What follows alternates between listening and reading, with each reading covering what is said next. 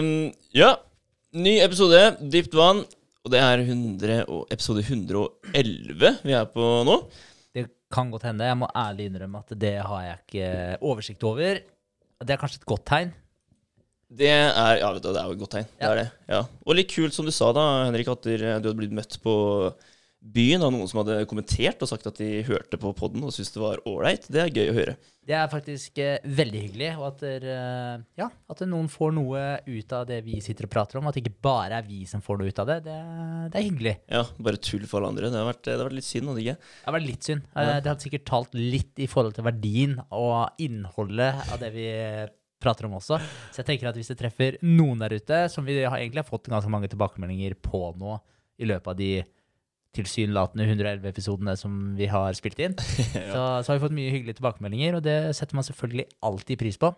Det har vi. Og så skal det sies da, så er det ekstra hyggelig hvis noen, eh, selv om man ikke bruker YouTube så mye, hvis du går inn der, trykker abonner, eller trykker følger på Instagram eller noe sånt, så er det alltid veldig hyggelig. Ja, det er det. Det kommer eh, godt med for oss. Det gjør det, helt klart. Absolutt. Uh, ja, vi sitter jo her alene i dag. André hadde ikke muligheten til å bli med. Uh, og jeg tenker jo at dere Er, er det gyldig fravær? Nei, vi kødder. Ja, det er gyldig fravær, André, hvis du hører på. Så, så er det det. Um, og grunnen for det, det skal han få lov til å fortelle neste gang han eh, kommer på podden, som forhåpentligvis blir neste pod. Er du ikke enig i det? Det satser vi på. Ja. Bra. Um, ja, jeg tar gjerne en skvett, ass. Det, det endte jo ikke med verken søndagspod eller mandagspod eh, for oss eh, denne uka her. Det ble en tirsdagspod. Så vi har faktisk starta uka litt, da, med en og en halv dag eh, så langt. Har det skjedd noe spesielt, eller? Ja, altså, skjedd noe spesielt? Jeg har, øh, jeg har øh, faktisk testa og eksperimentert litt med kosthold. Men ikke innholdet i kostholdet, for det, det har jeg eksperimentert mye med tidligere. Men jeg har prøvd å spise ett måltid om dagen. Ett måltid om dagen, ja. Ja, ja. Ja, Det så jeg faktisk eh, en annen eh, norsk eh, fyr på en podkast som sa at han gjorde her eh, for litt siden. Ja, ok. Jeg husker ikke hva den podkasten heter, men han norske som eh, imiterer Joe Rogan litt. Grann. Samme type studio. Vet du hva jeg mener da? Wie. Ja, Wolfgang Wie er det. Ja. Han nå sa at han eh, spiste Ikke Wolfgang Wie, da, men han gjesten sa at han spiste én gang eh, om dagen. da. Det var ikke han derre uh, Pimp Lotion? Var det han? Jo, det tror jeg det er. Ja. Han pusser ikke tenna, han brukte ikke sjampo eller såpe. Skikkelig type, altså. Ja, type, type. Men han hadde faktisk Jeg har ikke hørt på hele den poden. Altså, den var vel sju timer lang, eller noe sånt, var det ikke det? Jo, den er lang. Ja. Men, eh, så jeg har ikke hørt på hele, men jeg har hørt eh, innspill, og jeg syns han hadde mye kult å si. Og, ja. Noe som selvfølgelig da er Ikke pusse tennene og sånn. Han kanskje Ja, litt delte meninger om det, kanskje, men eh, er, Ja. han har vel sikkert sine grunner da, i forhold til eh, det er jo noe som eh, gir deg betydelig mye mer belegg på tenna og dårligere munnhygiene enn annet man eh, spiser. Det så, det. så det er sikkert en eller annen case for det, kanskje, men, det, men sånn, noen av de tinga der er ganske ut på kanten, da. Men flere av de tinga han snakka om, var jo, er jo jeg veldig enig i. da. Han Ja. snakka en del om der cold showers, han snakka om eh, eh, karbohydrater, kjøttspising. Mm. Eh, så han var mye på, mye på de tinga der. Veldig mye som ikke har eh, kommet fram så mye i Norge ennå, men som er veldig populært eh, andre steder, kanskje.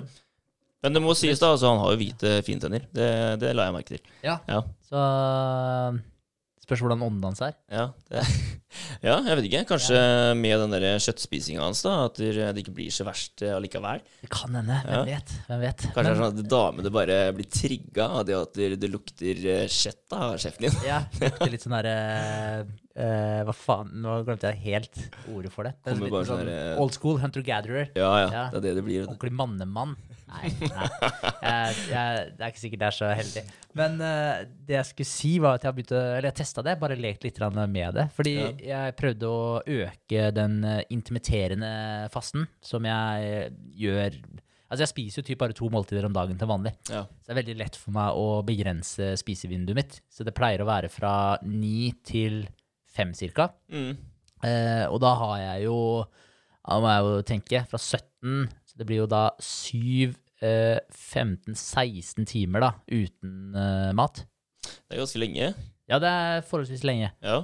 Og, men, det, men det har fungert veldig greit. Så jeg har kjørt sånn type intermitterende faste ja, egentlig flere år nå, bare med noe avvik her og der, selvfølgelig. Eh, men mesteparten av tiden, da. Så nå tenkte jeg at jeg bare skulle teste det for moro skyld, og bare se om jeg kunne presse det spisevinduet enda smalere.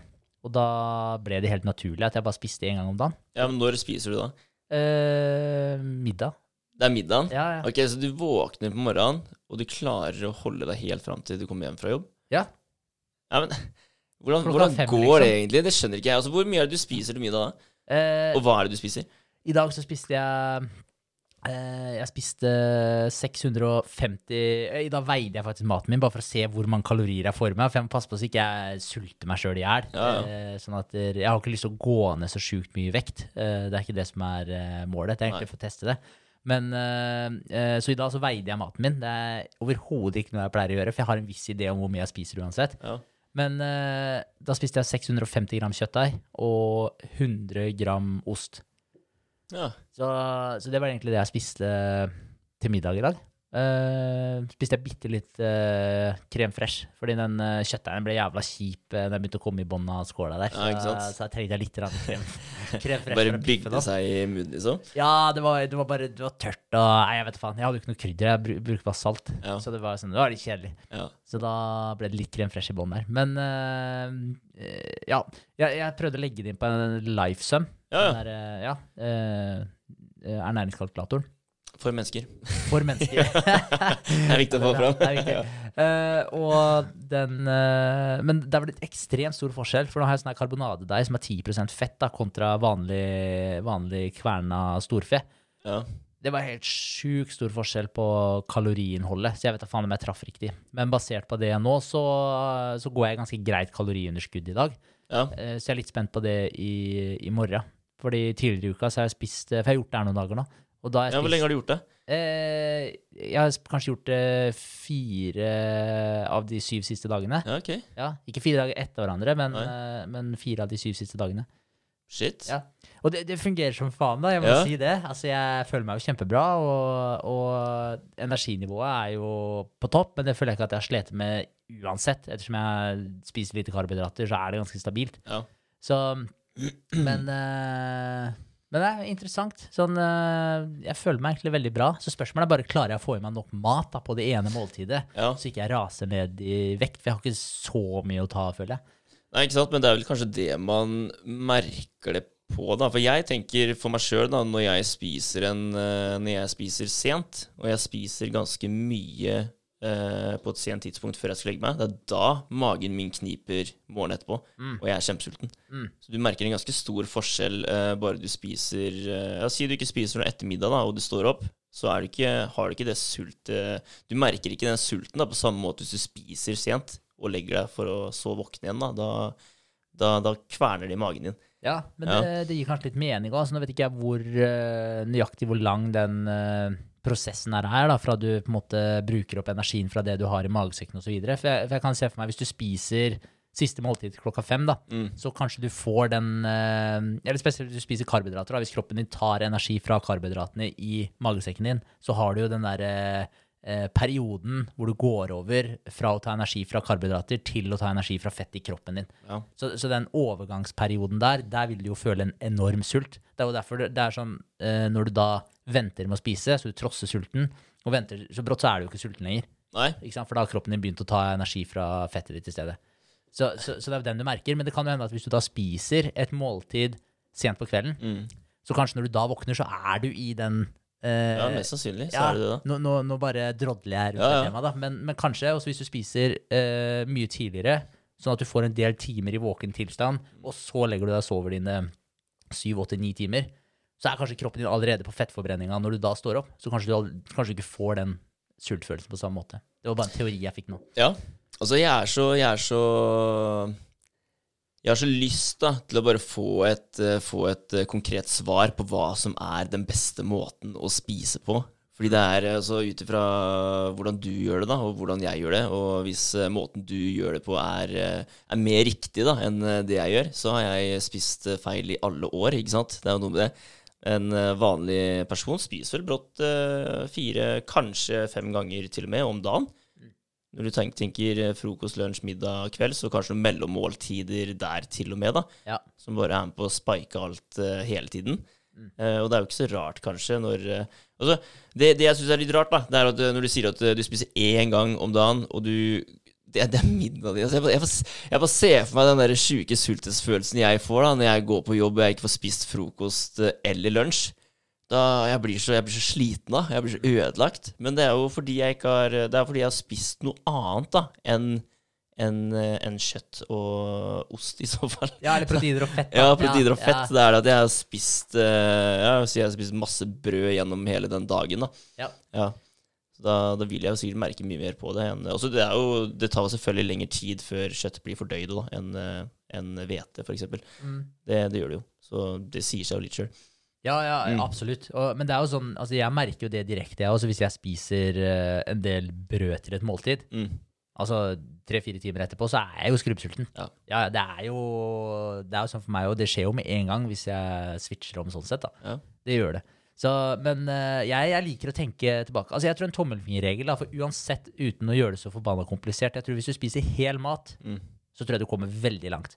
Ja. Ja, så enten om det er eh, Jeg tror hovedsak da selvfølgelig kjøtt, eh, animalske produkter, og så frukt, og så grønnsaker.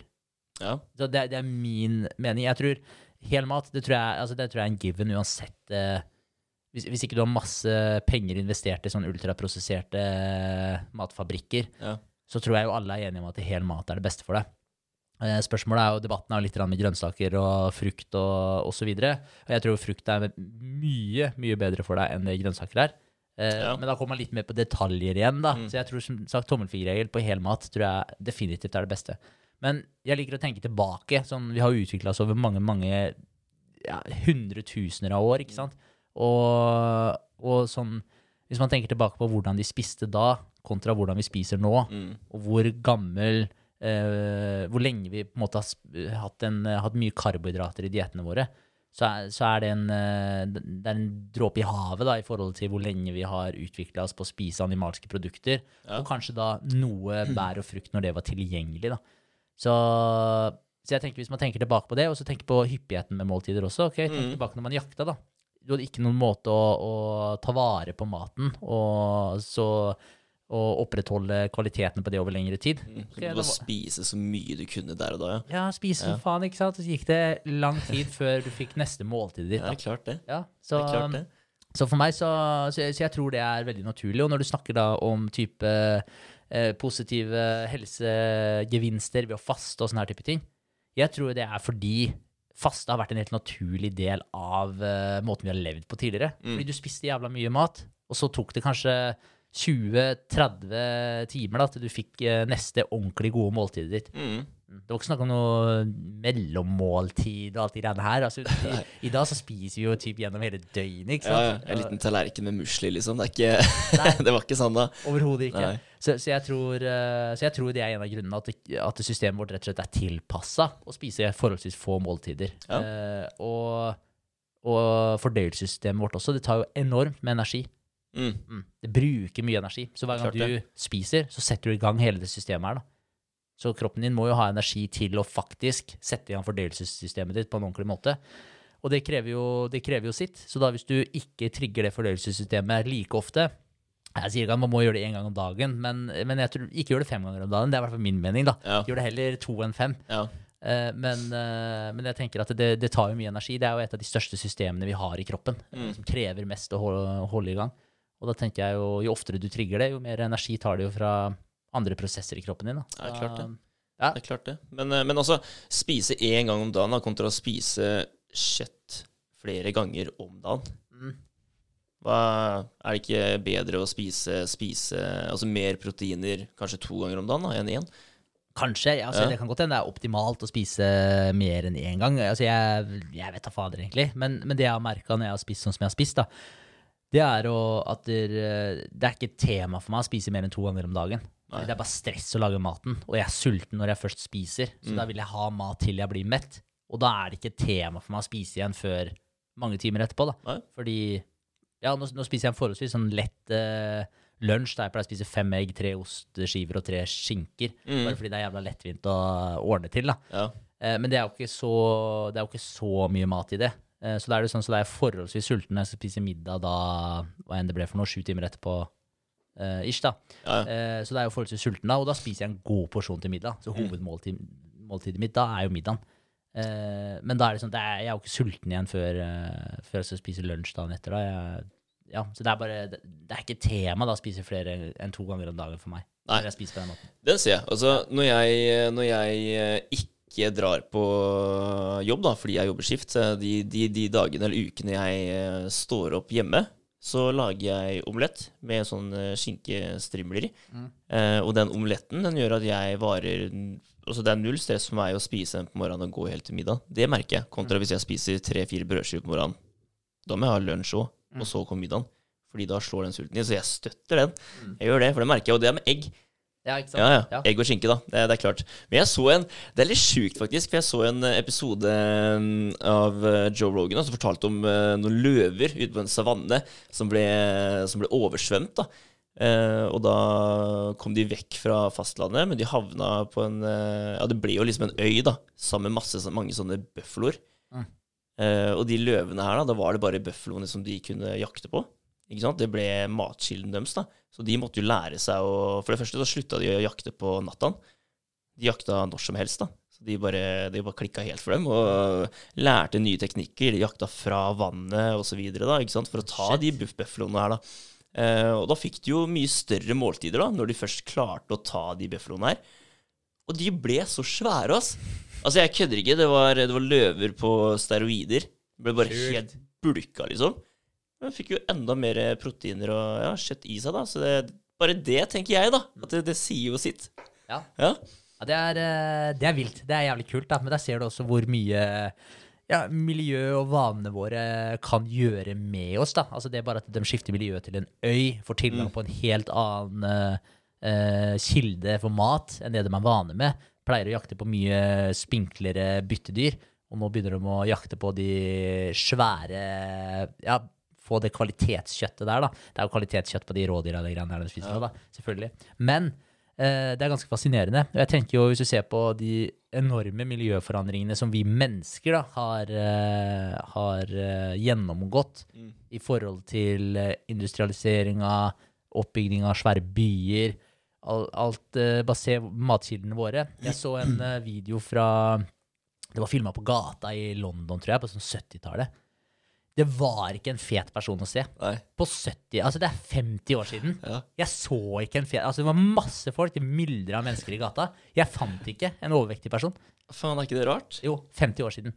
Så jeg tenker sånn, eh, miljøet vårt også har jo forandra seg drastisk. Og, og jeg tror jo at der, man kan, Jeg mener at man kan si med sikkerhet nå da, at der, måten vi spiser på i dag, er ganske gæren. Du kan selvfølgelig mitigere mye av det ved å holde deg i mye aktivitet osv. Ja. Selvfølgelig. Men uh, alt det ultraprosesserte greiene, grønnsaksoljer, sånn type rapsolje, de greiene her, Ja, ja. er ikke meningen vi skal spise de greiene her. altså. Nei, kanskje, kanskje det er en av grunnene til at eh, vi menn bare blir veikere og veikere. Ja. Det er jo faktisk målt at der, eh, Hva heter det for? Altså kraften i hånda vår, da. Håndtrykket. Håndtrykket, ja. Det blir bare svakere og svakere med åra som går. Damer har nesten eh, like sterkt håndtrykk gjennomsnittlig Ja. eh, i dag som det mannfolk har. Og, få, og det igjen, husker jeg ikke når de tallene var fra, da, men fra det er typ sånn 40-50 år siden det òg, når de målte de greiene her, så, så hadde ja, mannfolk har sikkert 30 hardere håndtrykk i, på gjennomsnittlig basis da, Mm. enn det damer har. Ja, ikke sant? Så, så det er sikkert en eh, blanding av at der, eh, damene tar uh, ennå Eller jeg vet da fader, men det er kanskje en forventning om at damene skal være litt mer maskuline i dag. Ta litt mer, altså De der kjønnsrollene skal blandes ut litt. Ja. Eh, så kanskje det er en blanding av det, og da at menn bare blir veikere. Ja, ja, jeg tror det er en god blanding, som du sier. Det er, det er nok det, og at det, er den komfortsona. At eh, vi trenger ikke å jobbe så hardt lenger for å få det vi vil ha. Vi får servert veldig mye. Eh, og garantert maten, da. At der, uh, vi, spiser, vi spiser ting for veikinga. Ja, ja, ja, ja. Faen, vi spiser ikke, vi spiser ikke en rovdyrsdiett. Det er jo ikke det vi gjør. Absolutt ikke. Nei, så kanskje det er det man må endre på da, for å bli litt, uh, bli litt eh, tøff og hard igjen. Kanskje. Jeg så, Det var litt interessant. Jeg så på, det var på Instagram så så jeg en video av en eller annen jeg vet ikke om du fikk med det jeg var en Twitter-ansatt som liksom filma arbeidsdagen sin eh, og la ut det her, da, en eller annen eh, dame som filma hva hun holdt på med i løpet av arbeidsdagen sin på, på Twitter. Og det er faen meg noe av det dummeste jeg har sett i hele mitt liv. Hun, hun bare gikk rundt og sosa. Hun bare hadde hjemmekontortyp og satt og lagde seg god mat og stakk opp på, på takterrassen sin og med maten og, og satt der og liksom jobba. Så jeg lurer på hvor mye jobb hun fikk gjort i løpet av dagen. Men den frøkna der tror jeg da fikk sparken. Å ja. Eh, ja, altså, Fordi hun la ut den videoen, ja. jeg vet ikke om det bare var derfor, men Elon Musk har jo renska ganske bra Ja. på Twitter i det siste. da, Så han har vel sparka typ sånn 90% av de ansatte. For han er en gæren jævel, ass. Ja, ja, ja. Han Helt rått. han er det tak i. Uh, og da, da filma de den videoen her, da, fra arbeidsdagen hennes. Ja. Og la den ved siden av en fyr som jobba på en oljeplattform i Jeg vet ikke hvor, hvilket land det var. Og han bare har dritt opp etter nakken, da. Han bare står der og gjørma, altså. Og bare kaster rundt seg med de her svære maskindelene som man fester rundt sånne rør som blir dratt opp av bakken. Og det var bare beinhard jobbing. Og så, så, så så du de to videoene her ved siden av hverandre, og du, du kan ikke tro det engang, liksom. Nei, helt sinnssykt. Så, ja, det var helt vilt. Så, litt kontraster. Det er det. Ja.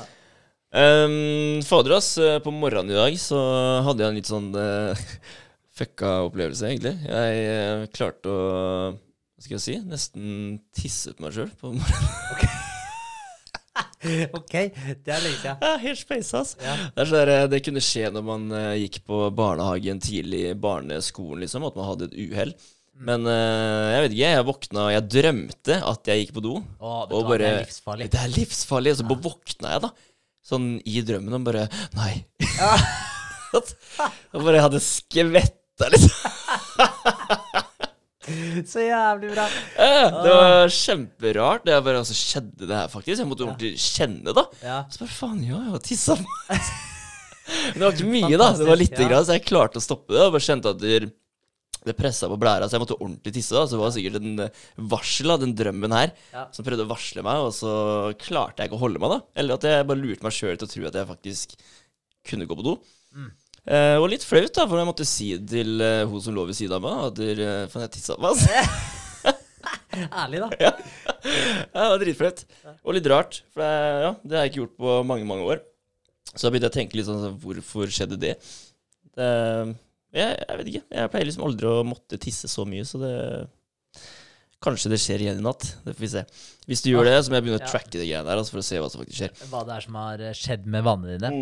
Det, det er ikke tull engang. Jeg gjorde også det der en gang. eh, Ja, jeg tror det var femte klasse eller noe sånt. Ja. Og da følte jeg at jeg også var altfor gammel til å gjøre de greiene der. Ja. Men jeg gjorde akkurat det samme. Jeg drømte at jeg sto og pissa. Ja. Jeg sto på dass. Hjemme, liksom, i huset. Eh, og så bare kjenner du at det begynner å bli bløtt på låra dine. Og så er det bare sånn Det har jo ikke noe mening, liksom. Og så begynner du å våkne opp, og så er det bare sånn Å, fy faen. Jeg klarte ikke å ta meg i det, sånn som du gjorde. da. Så det er kudos. Ja, det er rart, ass. Herregud. Men det er, det er veldig skummelt når du drømmer at du er på toalettet. Ja, Veldig rart. Så jeg håper at det bare var et uh, engangstilfelle, så det skal uh, mest sannsynlig ikke skje igjen, håper jeg. Da er det i hvert fall greit hvis det skjer hjemme og ikke noen andre steder, tenker jeg. Fair point. Ja. Eh, og så måtte jeg jo ta meg litt eh, fri fra jobben i dag, da, fordi jeg slet utrolig i går med de tinga jeg drev med. Jeg følte at jeg satt der og jobba da. Eh, og for dere som eh, hører på og tenker at, der, eh, at vi bare møter opp på podkasten uh, full av eh, ideer som bare har kommet av seg sjøl, og eh, praten går i godt over en time, da tar dere feil.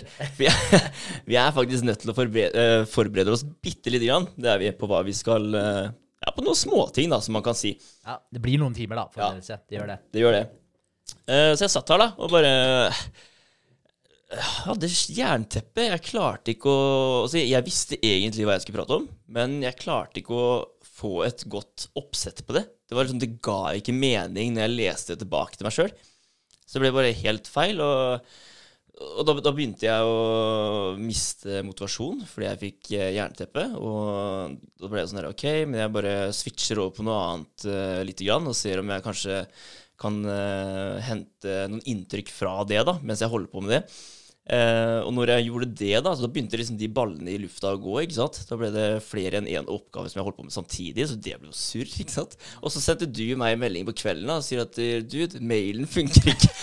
og jeg bare god damn! Og måtte jeg, jeg begynne å titte på det òg, da. Ja, og Og jeg bare shit, ass. Eh, ja, men eh, det var greit. Og da tenkte jeg bare for meg sjøl at eh, vet du hva, Vegard, hvis du skal eh, få noe ordning på det her, så er du faktisk nødt til å ta noen timer eh, fri i morgen. Og det gjorde jeg, for jeg hadde ikke hatt sjans til å være klar eh, til i dag hvis jeg ikke hadde gjort det. Um, og det er litt sånn derre Hvorfor gjorde jeg det? Altså, ja, det, er, det er mye å holde styr på da, innimellom. Det er, for det første så har vi en fast jobb som vi må gå på hver dag. Og så har vi den sidevirksomheten som vi driver med, Equip. Det tar jo x antall timer i uka. Og så har vi podkasten. Så vi har egentlig tre ting da, som løper litt sånn om hverandre her. Og da er det viktig å klare å ha den strukturen da, og klare å planlegge for å få det her til å faktisk gå opp. For det er ganske mye man skal holde koll på, da. Og det er mye som er fort gjort å glemme hvis man ikke holder styr på sakene sine. Jeg tenkte at eh, det er liksom eh, Siden jeg slet så mye med det, da, så er det en ålreit ting å ta opp, da. Ja. Definitivt. Så det er litt den der også hvordan få strukturen på hverdagen. Da. Det med planlegg dagen i forveien, bruk kalender, skriv lapper, lag en tidsbegrensning. Da, for det er veldig mange som eh, jobber bedre når man eh, har det tidspresset på seg. Da. Meg deriblant. Jeg, jeg jo gjør det egentlig. Jeg føler at der, hvis det er en ting som eh, man må gjøre, men man vet at ja, ja, man har kjempegod tid før det må bli gjort, så er det veldig fort gjort å bare la det vente til, til det begynner å nærme seg en krise. da. Man må bli ferdig med det. Eh, og jeg føler at det, det er veldig fort gjort for meg innimellom å, å gjøre det, da. Eh, og så er det litt den derre Hvis man ser på, ser på altså oss, da, hvordan vi har eh, holdt på fram til nå. Vi har holdt på med eh, Equip, eller Nutrihol som det het før, eh, fram til i dag. Vi har holdt på godt over eh, to år nå. Eh, og jeg syns vi har hatt en god struktur, hatt eh, planlagt ganske mye bra. Men nå, ikke sant Nå, nå begynner ting å skje, og i- oppi hodet mitt da, så føler jeg at eh, Vegard, nå må du ta sammen. Nå må du begynne å bli enda mer strukturert og planlegge enda bedre, fordi nå kommer alvoret. Sant? Det har alltid vært viktig, men nå, da altså, Man kan jo si det, da. Altså, vi har jo vi har henta ja, ganske mye penger fra x antall eh, investorer som har lagt tilliten på oss, noe som er utrolig kult, bare for å få sagt det. Eh, og de pengene her skal bli brukt for å kunne ta opp et lån for, som igjen da, skal hjelpe oss med å klare å utvikle det, det systemet vi vil ha, den plattformen vi vil ha. da. Eh, og for at vi skal klare det her da, på en best mulig måte, så må vi ha den strukturen da, og den gode planlegginga i, i hverdagen vår. Og det krever faktisk Altså, det krever ikke så mye, men det krever litt i starten for å klare å sette opp den gode strukturen. Det er kanskje det, altså det med å få på plass et system som fungerer. Mm. Det, for det, det er jo et poeng, for det er jo Folk er jo glad i forskjellige ting, om det er å ha det digitalt, eller om det er å ha det i en skrivebok, eller om det er å ha det i lapper eller notat på telefon. Altså Gjør Ja. det som passer deg, liksom. Men ja. Ja. Men å få på plass det systemet først, og finne ut hva det er du liker. Ja. Men uh, da må man jo prøve ut litt forskjellige greier òg, kanskje, for å komme fram til det man syns fungerer best. Ja, hva er best, ja. Eh, ja, det er veldig sant. Jeg så faktisk en, eh, en grei måte å gjøre det på i stad. Det, var- det var digitalt, da. Det var en eh, type, type kalendersystem. Det var ikke Outlook, men uh, det var uh, Da bare satte du opp typ Si du driver med ja, digital eh, markedsføring, da, som eh, passer veldig godt i mitt eh, tilfelle, da. Kan du sette opp eh, eh, daglige og ukentlige ting du er nødt til å gjøre, for å f.eks. få ut de postene du skal få ut til de forskjellige tidene, og hver gang du har gjort den, så trykker du, så sjekker du den, da. Men da vil den bare komme som en ny reminder neste måned igjen, da. Så du vil bare fortsette på den måten. Det syns jeg så veldig fint ut. Men det er liksom noe med det også når eh, jeg, jeg føler liksom at når utviklingen vår da har starta altså Det her går egentlig generelt for alle, altså, men uh, bare sånn uh, i de tilfellene her, eh, og egentlig hele veien fram til i dag, så har planleggingen vært en viktig faktor for at ting skal gå så godt som overhodet mulig. Og det er litt den derre Det kommende året, eller de to første åra, det vil være de Det vil liksom være de åra som setter, setter standpunktet da, Mm. på, på hvordan resten av løpet her vil gå. Det er viktig at man gjør en såpass god jobb de første, den første perioden da, for å klare å, klare å få den grunnmuren, da, ikke sant? for å bygge noe bra. Sånn, man, kan ikke, man, kan ikke, man kan ikke surre rundt og tulle da. Da blir det, aldri noe ut av det. Det, er- det er et veldig godt poeng, for det er sånn der man kan bruke en viss periode av livet sitt på å surre, da, for å Mm. si det sånn, og lære seg eh, hva som funker og hva som ikke funker. Men hvis du kommer til et punkt eh, hvor du Altså, Enten om du ser på det som livet som en helhet, da, i forhold til å lære deg å skaffe den strukturen som du trenger i livet faktisk for å bli en så god eh, mulig versjon av deg sjøl som du kan bli, Mm. eller om du eventuelt snakker om eh, Equip, da, som vi holder på med, så er det sånn ok, vi holder på nå i en kalde, kall det i anførselstegn innledende fase eh, i litt over to år.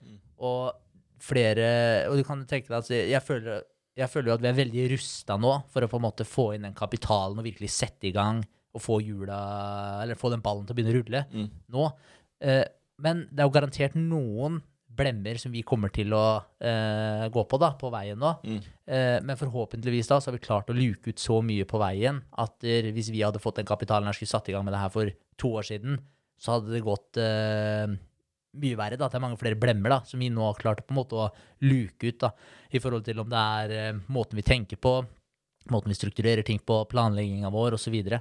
så Så nå når vi har brukt på en måte to år på å lære oss den gangen her, Ja, ja. og så sier jo du nå at der, nå føler du at nå er det på tide å steppe opp enda mer. Og jeg er fullstendig enig med deg, for det legger jo mye mer press på deg også når du har, fått- på en måte, har fått den kapitalen og skal begynne å sette i gang med det prosjektet her. Og nå er det flere involverte òg, det er ikke bare oss sjøl. Så det er en helt annen dynamikk.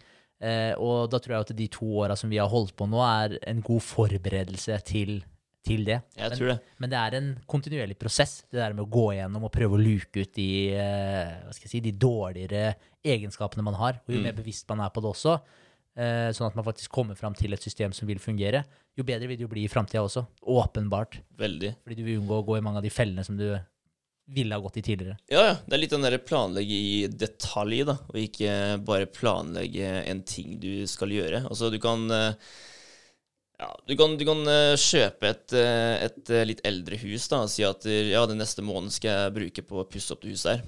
Uh, men idet du begynner med å pusse opp det her, så vil det bare komme mer og mer. Som du skjønner at å ja, jeg burde gått mye dypere inn i det her. og faktisk planlagt i detalj i detalj igjen, egentlig, for å faktisk få et uh, overblikk da, på hvor mye som uh, må bli gjort her. da. Definitivt. Ja, og det er litt det samme med alt annet man planlegger òg. Ikke bare skrive at der, i dag skal jeg sitte og gjøre Dagen i dag skal jeg bruke på en uh, Gjøre klart for lanseringsdagen. Ikke sant? Og så bruker du den dagen på det, da, og så ser du at oi, for at jeg skal være klar for den lanseringa her, så er det jo utrolig mye som må bli gjort. Mm. Jeg burde i hvert fall hatt en måned på meg for å få starta med en liten en post av den første dagen, kanskje, som jeg må redigere på et eller annet redigeringsprogram, og bruke lang tid på det, og så er det neste ting dagen etterpå. Det, er, det er så fort gjort da, å gå på den blemma der og bare tenke at du, man har så mye bedre tid Eller at det tar så mye mindre tid enn det det faktisk tar. Ja, Ja. det er eh, ekstremt godt poeng. Det, det man sier da, når, når man sier «Ja, jeg må gjøre meg klar for den lanseringsdagen her, jeg, må, jeg skal pusse opp det huset her, det er en veldig diffus greie. Ja, du vet på en måte eh, hovedgreia da, Ja. som du skal gjøre, men du er nødt til å bryte det ned i alle de elementene, for det er egentlig det du sier, da, altså få, få en eh, eh, Ja, bryte ned alle disse elementene og få dem ned på papiret. Mm. Og, og jeg føler jo at det gjelder de eh, Bare i dagliglivet også. At det, det trenger ikke være at man har et sånn svært eh, prosjekt gående, men å faktisk få planlagt ting, skrevet de ned, brøte de opp, sånn at du vet at du har tid nok til å få utført de oppgavene som du må gjøre. Mm. Jeg og Sofie vi skal gifte oss til neste år. Ja. Masse greier som skal planlegges til bryllup og sånn òg. Få det ned på papiret. Nøyaktig hvilke ting er det vi eh, må få gjort. Mm. Eller hva, hva er alt som må på plass, rett og slett. da. Eh, hvilke datoer må disse tinga være ferdig? Og da begynner du å se hvor god tid du har på de forskjellige tinga, når du må ha landa det ene og det andre. Og da får du en mye bedre, mye bedre oversikt. Og det gjelder jo absolutt alt man holder på med, enten om det er en sånn stor event som det her, om det er et selskap du holder på med, eller om det bare rett og slett er hverdagen din. Så, Ja, ja. så er det viktig å, å utføre den der planlegginga, fordi det vil også senke stressnivået ditt. Mm. Fordi Ja, helt sier, klart. ja, du sier at Ja, så planlegger bryllup, liksom, og så bare har du det oppi huet. Det er jo fullstendig kaos. Du har ikke peiling på hva det egentlig går i. Og du har aldri gjort det før. Nei, Nei. overhodet ikke. Og så skal du vite hva som skal til. Altså, hvordan skal du egentlig vite? Må du det, det har ikke jeg peiling på. Altså, den dagen jeg skal gifte meg altså, jeg, jeg aner jo ikke. Jeg vet at eh, jeg må få tak i en som kan eh, lage mat for oss. Må, vi må selvfølgelig få tak i en eh, kjole da, og en eh, smoking eh, til meg. Ja. Og booke kirke osv. Men så veldig mye mer enn det, det har ikke jeg koll på. Nei, så det, så det blir mye greier. Men jeg tror et veldig godt tips der og til planlegging generelt da, er å se for deg hvordan det ser ut når du er ferdig. Mm. Så du ser for deg den lanseringsdatoen. Ok, nå er lanseringsdatoen der. Hva er alle tinga som du nå har på plass? Mm. Og bare se på det som om det allerede er utført. Altså med bryllup òg. Ok, se for deg at du går gjennom dagen Mm. fra A til Å. Ok, nå er, nå er det bryllupsdagen. Hva skjer? Ja, Og så bare skrive ned alle de elementene som du har med der. ikke sant? Når du ser utover lokalet, da ok, å, fuck, vi må ha bordkort. Ikke sant? Ja. Ja, Bare, oi. sånn- Ja, ja. Så, Sant sånne småting. Men jeg tror det er veldig viktig at du ser på, det, ser på sluttresultatet, og så bryter den det derfra, og så distribuerer det utover i den perioden du har av tid på å forberede deg til det her. Mm. Ja, det er veldig sant. Men det skal også sies da at etter jeg eh, eh, leste litt på andre sine forskjellige meninger da, om eh, hvordan man skal gjøre seg klar til forskjellige ting, så føler jeg at vi har truffet veldig bra på type markedsstrategien vår og alt måten vi har fordelt opp da, til det vi skal gjøre klart på. Så sånn sett så er det veldig bra. Jeg tenker liksom med den der planleggingen generelt, bare det å jeg, jeg føler at jeg kan fort fort ta på meg ting, og så har jeg glemt å skrive det ned, da. Notert det, og så går det i glemmeboka. Mm. Det, det skjer. Det vet vi. Men uh, uansett, da, så er jeg helt sikker på at det er flere der ute som føler det samme. Om det er uh, en idé du har lyst til å utvikle, eller om det bare er det å få en bedre struktur over hverdagen sin, som vi sa i stad. Og det er litt den der, altså Hvordan få en bedre struktur på hverdagen, da? Uh, fordi hverdagen er her. Det er oppgaver som, må, som skal løses, mål som skal nås, og bøker som skal leses. Men det er veldig ofte vi ikke rekker alt det vi har tenkt, ikke sant? og alt det vi har planlagt, selv om vi har planlagt en dag. da. Det er veldig mange som setter opp den typiske kalenderen at der, eh, eh, du står opp, eh, og du skal re opp senga da, før du drar. Eh, du har kaffepause da, og så skal du lese mail da, og når du kommer hjem, skal du sette deg og jobbe. Men eh, alt mulig kan jo skje da, på veien. Plutselig så punkterer jo dekket på den der bilen din da, på veien hjem. Uh, og før du vet ordet av det, så er hele den kalenderen ødelagt. Mm. Ikke sant? Så det er veldig vanskelig. Du vet jo aldri hva som skjer. Men det er litt den derre Hva er den beste måten å sette opp en kalender på? Er det det å gjøre det steppvis hva du skal gjøre de ulike timene i løpet av dagen, eller er det det at du, du har satt opp f.eks. tre punkter? da, De her må jeg få gjort i løpet av dagen. Mm. Ja, eh, jeg leste den der eh, Var det fra How to Win Friends and Influence People, eller var det fra en annen bok, tro? Nå er jeg usikker på hvor jeg hørte det greiene, eller hvor jeg fikk det her fra. Men Ja. i forhold til den planlegginga At du, du har en to do-list, Mm. men dagen før så prioriterer du det viktigste. Så da Ja. prioriterer du fra én, to, bare sett et tall ved siden av disse oppgavene som du skal gjøre. Når du kommer da dagen etter, du åpner opp den lista, så skal du kun lese prioritet 1. Du skal Mm. ikke se på de andre engang, for alle de der, det har du sagt til deg sjøl dagen før, at alle de andre punktene her, de er underordna det punktet her. Mm. Det er det punktet her som gjelder. Så da ser du ikke på de andre punktene før du er ferdig med det punkt nummer én, eller at du har gjort det du kan gjøre med punkt nummer én den dagen der, så du ikke får komme noe lenger på den oppgaven. Da går du til punkt nummer to. Ja, ikke sant? Så, og det tror jeg jo er en veldig lur måte å gjøre det på, for da vil du alltid fokusere på det viktigste. Det tror jeg òg. Så får du ikke den muligheten da, til at du ser eh, punkt to eller punkt tre, da, og så plutselig tar det oppmerksomheten din. da.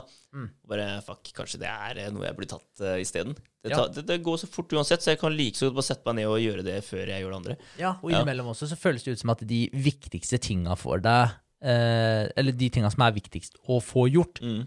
Ofte må du utsette de også, fordi de er kanskje litt tunge å gjøre. Det er kanskje litt tungt å komme i gang, og kanskje det er bare sånn Ja, at, den, at det er noe du vegrer deg for å gjøre. Det kan være noe sånn som uh, bare hvis du har litt uh, frykt for uh, økonomi og syns det er jævlig kjedelig og sånn. Utsette regningene dine, f.eks. Ja, ja. Utsette å betale de, lar dem ligge der, og så bare bygger det seg opp et sånn lite monster bortpå bordet ditt med uåpna konvolutter. og så blir det en svær greie. Ja, det tror jeg er en case hos eh, ganske mange, faktisk. Ja, definitivt. jeg. Men eh, jeg fikk jo litt den eh, med tanke på den mailen òg, da. Altså at eh, mailen ikke fungerte. Og når du, når du sa det i går da, til meg, så ble jeg sånn derre Liksom bare Faen, altså, må jeg prøve å løse opp i det greia der, liksom. og det er sånn, jeg, jeg kan det jo, jeg kan det jo ikke, så jeg må faktisk sitte og se noen videoer. Jeg må lese litt inne på Google da, for å få det her til å For å skjønne noe som helst, da. Eh, tror jeg liksom har kommet fram til en eh, løsning nå. Det så i hvert fall sånn ut når vi titta på i stad. Så vi får håpe at det er måten å gjøre det på. Men eh, det er sånn derre Og det var litt som jeg sa til deg, da. Altså, jeg vil vente til du har sett det, så vi kan være enige om at vi prøver det her, så ikke vi er fucker opp hele greia. Ikke sant? For det er jo en liten frykt òg, da. Du, er, du vet jo ikke. Nei, Ikke sant? ikke. Nei. men det, jeg tenker det er en uh, naturlig del av gamet. Prøve Mm. og feile. Og hvor gærent kan det gå? Worst case må sette opp en ny Jeg vet faen, jeg resette det på en eller annen måte. Altså, det løser seg liksom alltid, da. Ja, det, det gjør det. Ja. Det er veldig sant. Eh, men jeg har satt opp noen eh, punkter da, på hva man kan gjøre for å få en eh, litt bedre struktur og planlagt eh, hverdag. Altså det, det er små ting, men eh, ofte så er de små punktene og råda ja, brått de beste. Mm. Ja, bare for å få ballen til å rulle. Det er det. Så første, det er litt det vi har snakka om. Altså skriv ned alt av planer og oppgaver som eh, skal gjøres. Og hvorfor det, da? Altså, Ut fra hva jeg skjønte, så er det at der, korttidsminnet ditt har begrensa kapasitet, og at hodet fungerer bedre når du har færre ting å huske på. Og det gir jo ganske mening. Absolutt. Ja, så gjør det. Så bare skriv ned alt av eh, avtaler, planer og oppgaver som du må få gjort. Så vil det gå enklere altså, å sitte og jobbe. Og det tror jeg på, for det er litt den derre Du sitter der, og så er det så mye som eh, svimrer da, rundt i hodet ditt. Som du klarer ikke å helt legge fra deg, for det er så mye annet du skulle gjort i tillegg til det du sitter og holder på med akkurat nå. Ja. Ja, så når du har skrevet det ned, så kan du få det ut av hodet ditt, da, for da vet du at det er her. Mm. Jeg kan bare gå inn i den boka her, eller på dataen, da, kalenderen, og bare se på det etterpå. Ja, det, det der føler jeg er utrolig viktig. Jeg, eh, har laga meg en god rutine nå i forhold til at jeg eh, booker ting i kalenderen min i Outlook. Mm. Eh, og hvis det er en avtale som jeg og Sofie har, så inviterer jeg henne akkurat som at det er et møte i Outlook. Ja. Og, og da prøver jeg å gjøre det med en gang. Og det er som du sier, altså bare få det ut av huet, ned på papiret eller ned i Outlooken eller hva det måtte være. Fordi hvis ikke så bruker du kapasitet på at du må huske på det senere, og altså det, det tar fokuset ditt. Det Ja, gjør det. det. Uansett hvor eh, strukturert og disiplinert du er, så tar det fokuset ditt. Så du klarer ikke å holde alle de tinga her i hodet på en gang. Så skriv det ned, book et møte, et eller annet, bare få det i kalenderen eller få det i et eller annet system. Det definitivt anbefaler. anbefale. Ja, ja. Sett på varsel, så får du en varsel eh, en stund før det skal skje. Ja, ja. Ja, og Da kan du begynne å tenke på det. Ja, eller jeg, innimellom så sender jeg meg bare sjøl en melding også. På Ja. telefonen så åpner jeg den ikke, så jeg bare eh, skriver en melding til deg sjøl. En tekstmelding altså til nummeret ditt. liksom. Bare en tekstmelding, ja. Ja, så skriver du tekstmeldinga, og så før du på en måte mottar tekstmeldinga fra deg sjøl, så bare lukker du meldingsappen, for da har du en uløst melding. Mm. Bare, sånn, bare, bare for å få det der, sånn at jeg vet at det, nå har jeg det der. Og da, før jeg Eller innan jeg har på en måte gjort at den meldinga er lest, så har jeg fått satt i systemet et annet sted, da. Hvis jeg har dårlig tid. ja, den er ikke dum. Nei, bare, bare for å få det ned. Ja. Da vet du at den ligger der. Mm. Og det er klart at der, hver gang du titter på telefonen, da, så kommer du på at der, der ligger det noe ulest som jeg er nødt til å se på etter hvert. Yes. Ja, den var fin, faktisk. Ja, den Ja, skal jeg prøve. Ja. Og så er det akkurat det jeg gjorde i går, da. Altså unngå å ha flere baller i luften på én gang. Og det er litt den derre Jeg var litt usikker med den som, det som sto her. Altså, sitt, sitter du med musikk i ørene, da, eh, svarer på en e-post mens du ser på TV, da reduserer du mest sannsynlig effektiviteten på det du gjør. Musikken er jeg uenig med. Det å sitte foran TV-en det er jeg helt enig i. Mm. Det, det burde du ikke gjøre, for da kommer jo øynene dine til å gå fram og tilbake mellom eh, skjerm til skjerm. Så det er jo utrolig det, det kan jo ikke være en god måte å jobbe på. Men Nei. det å sitte med musikk Altså Det kommer jo helt an på hva slags musikk det er, da. Det er Ja, jo klart. Altså, ja, når vi sitter sammen, så pleier vi å sitte og enten høre på klassisk musikk, eller så hører vi på eh, Hva het det igjen? Eh, binaural eh, ja. beats. Ja. Ja, det er det. Og, og hva er det, da? Altså, det er en, eh, det er en eh, alfafrekvens, faktisk. Skjønte jeg. Mm. Som ligger mellom 8 til 13 hertz. Og det 8 antas, til da 13. 8 til 13, ja. Ja. Eh, og det antas å oppmuntre til eh, avslapning, eh, fremme positivitet og redusere angst. Men så er det også en annen frekvens på den her, da, som går fra 14 til 30 hertz. Og det er, eh, det er beta-frekvensen. Og den har vært eh, knytta til økt eh, konsentrasjon og årvåkenhet. Mm. Eh, og at du, du blir litt, litt bedre på problemløsning da, og forbedra hukommelse når du sitter og hører på det mens du jobber. Så det skal faktisk bidra til å, ja, til å sette deg mer i fokus. da. Ja, men binaural, da, da er du inne Da har du eh, på en måte toner fra begge disse frekvensområdene her, da, som Ja. spiller samtidig. Det er det der, eller? Hæ? Ja, det vil jeg jo tro. Ja, ja, Ja, bare- det gir jo mening, det. Ja, det det jeg jeg tenkte, tenkte du sa det ikke her, på det før Nei. du sa det nå. Nei, nei. ja. ja, det vil jeg faen meg tro. Altså, at du får, du får alt i ett. da. Ja, Ja. Det er derfor det heter binaural, Mm, liksom. selvfølgelig. Makes sense. Ja, det gjør det. Ja, ja.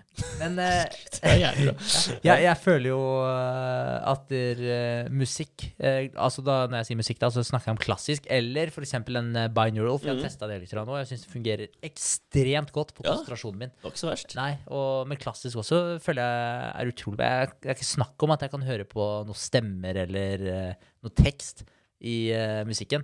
Det, bare, Nei, det, det tar fokus med en gang. Du kan ikke høre på 'Hello' med Beyoncé, liksom. Det går ikke. Da begynner du å synge med. Ja, ikke sant? Så det, det, går, det går ikke. Er det Halo du mente nå? Halo, ja! Hello! Fordi Hello, det er jo Adele, er det ikke det? Det er det, Ja, vet du. jeg er ikke så inne i den uh, Du er tydeligvis men, mer inne enn eh, meg. Jeg måtte se det. Men, eh, men ja, men klassisk fungerer ekstremt godt. Så jeg Mm. pleier jo på jobb og sånn også, så, så spørs litt hva jeg skal gjøre. Men uh, uh, sette i øreproppene, Ja. sette på klassisk eller binaural beats, Mm. det fungerer ekstremt bra. Jeg blir, jeg blir sjukt mye mer produktiv av det. Ja, jeg gjør det. Jeg har helt annet fokus.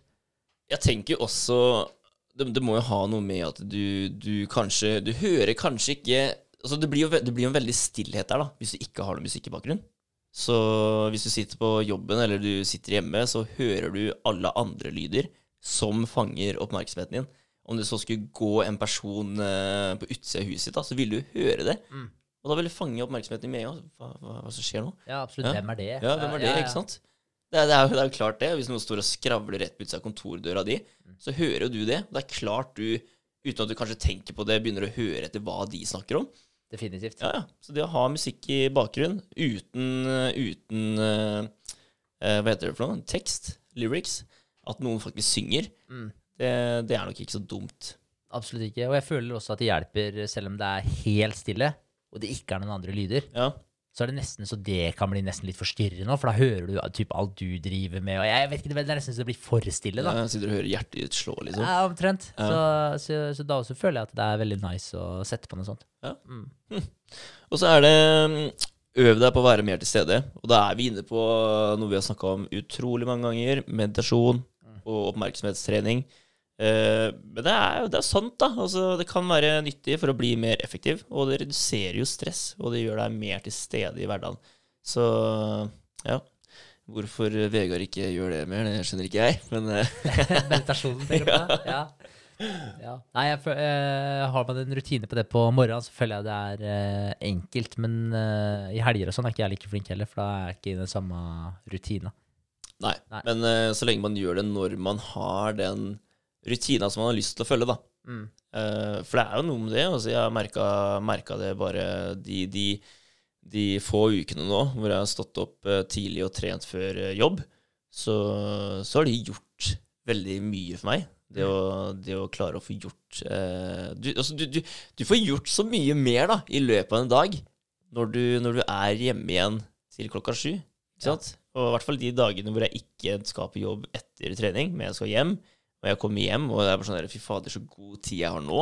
Mm. Og du føler deg kvikk, da. Det er ikke sånn at du, du kommer hjem og sovner igjen, men du setter deg faktisk og kan lese en bok, da. Det er jo Ja. bare helt sykt, ikke sant? Sånn, hvem er jeg, liksom? Ja. så jævlig bra. Ja. Men det, det syns jeg var utrolig kult og fascinerende at med en gang du starta å trene tidlig, tidlig på morgenen, Mm, så begynte du å lese bok òg. mm. For du har ikke rørt den boka siden vi hadde lest Challengen-type, eller? Jeg vet det. Det er sykt sykt, det. Men Ja. eh, det er, det, jeg tror det er litt det med hva man føler man har av tid, da. Mm. Jeg tror det. Eh, Om det er bare en dårlig unnskyldning man eh, sier til seg sjøl. Altså, det er klart, hvis du kommer hjem fra jobb da, og du spiser middag, og så setter du deg rett og leser bok, kontra at du enten Altså Enten så spiser jeg middag, og så går jeg opp og jobber. Eller så blir det kanskje en eh, kort episode med et eller annet sammen med frøkna som bor her, da, før hun stikker, på, stikker videre, da. Mm. Det er kanskje det det blir. Men det er sånn Det, det blir enten tid til å eh, blidgjøre noen andre, eller så føler du at du, kanskje du kommer litt senere hjem fra jobben eh, den dagen, så du får ikke den tida du faktisk ville ha. Så da bare ekskluderer du det med en gang. da. Det er det første du bare velger bort. Det er den boka du egentlig vil lese, men du er bare sånn Nei, da, da driter vi i den, liksom, for det er ikke tid til den lenger. Mm. Det er så fort det blir en liten endring, så føler jeg at da, da gjør jeg det.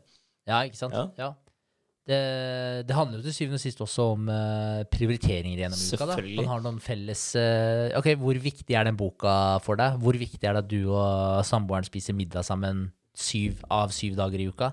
Ja. Liksom Det er, det er altså- nok viktigere for andre parten enn det er for meg. Ja, ikke sant? Det, det, det må jo sies, men Ja. eh, det er jo selvfølgelig noe med det. Altså, man er jo veldig opptatt eh, i løpet av en uke òg, da. Ja. Så det er, hvis det er den minste tingen som må til for å, for å holde en person eh, blid, så tenker jeg at ja, selvfølgelig. Men, Ja. men ja. Hver dag er helt klart ikke nødvendig for meg, da. Det er det ikke. Nei, ikke sant. Nei, altså, og det er jo kompromisser også, da, som man må, må inngå og prate om. Eh, hvis du har dine målsetninger, hun har eh, sine målsetninger, og dere skal leve sammen, ok, hvordan kan vi hjelpe hverandre på best mulig måte, tilpasse oss til hverandre, da, og sånn at vi faktisk hjelper hverandre og drar hverandre mot retningen av begge sine mål. Så fremst man ikke har mål som eh, er stikk i strid med hverandre, for da er det jo ikke omforenlig, og da må man jo selvfølgelig få nøsta opp i det, for da må noen Ja. gi seg, Da ellers blir det en- gi seg. Dragkamp der. Det Ja. er jo helt gæli. Ja, Men det er jo noe med det, da, at hvis, eh, hvis eh, en av personene ønsker å gjøre noe som til syvende og sist vil gagne begge, Mm. så, så, så vil jo jeg si at det er veldig naturlig at den ene da ikke vil føye seg, kanskje, men, eh, men bidra da, til å gjøre den reisen enklere for begge to. da.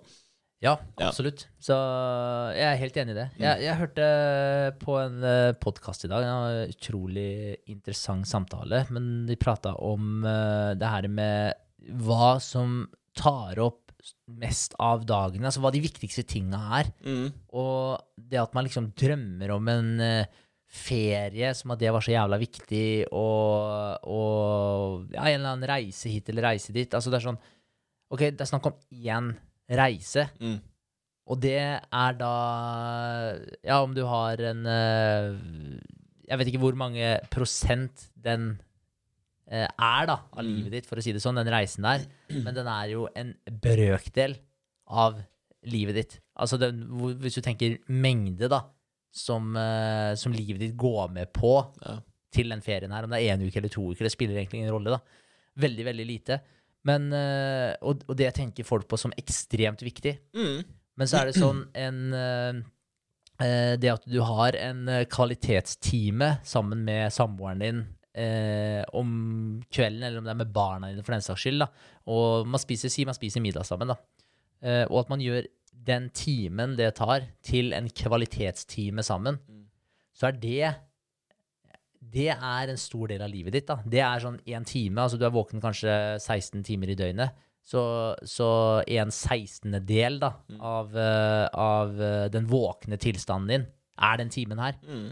Og, da er det sånn, og den er jo faktisk en stor del av livet ditt. Så det å på en måte få den riktig er mye viktigere enn å på en måte strebe etter å få en ferie eh, riktig. Ja, ja. Så er de små tinga som du gjør hver eneste dag, det er de som er virkelig de viktigste tinga. Mm. Hvis man ser på det over en uke, eksempel. Så ja, det er ikke sikkert man skal spise middag sammen hver dag, men kanskje man skal spise middag sammen fire av sju dager i uka. da. Og spesielt kanskje man setter av en, eh, en kveld i uka til å ha en eh, date night hvor man har et kvalitetstid bare med seg. Hvis man har barn, at man setter av tid til å ha noe kvalitetstid med barna eh, i ja, x antall eh, timer i uka, da, og så. Men at det er de tinga her man prøver å få så gode som overhodet mulig. For det er de som faktisk Det er faktisk livet ditt. da.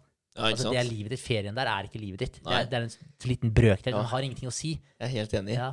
Jeg har faktisk begynt å se på altså, Ikke for å rakke ned på ferier, altså, men jeg føler at ferie mer og mer begynner å bli for meg en Det blir jo en, det blir en løgn av hverdagen din, altså tilværelsen din. Det blir jo, du jobber for å for å slippe unna alt sammen en kort periode, for å så komme tilbake til det igjen. da. Ja, vet du, jeg Ja. støtter synet her. Ja, hvorfor ikke heller bare ville eh, jobbe hardt, da, men også gjøre som du sier, da, og, og ha den der kvalitetstiden og ta vare på hverandre, selvfølgelig. Men å kunne gjøre den lille ferien til en heltidsferie isteden, da.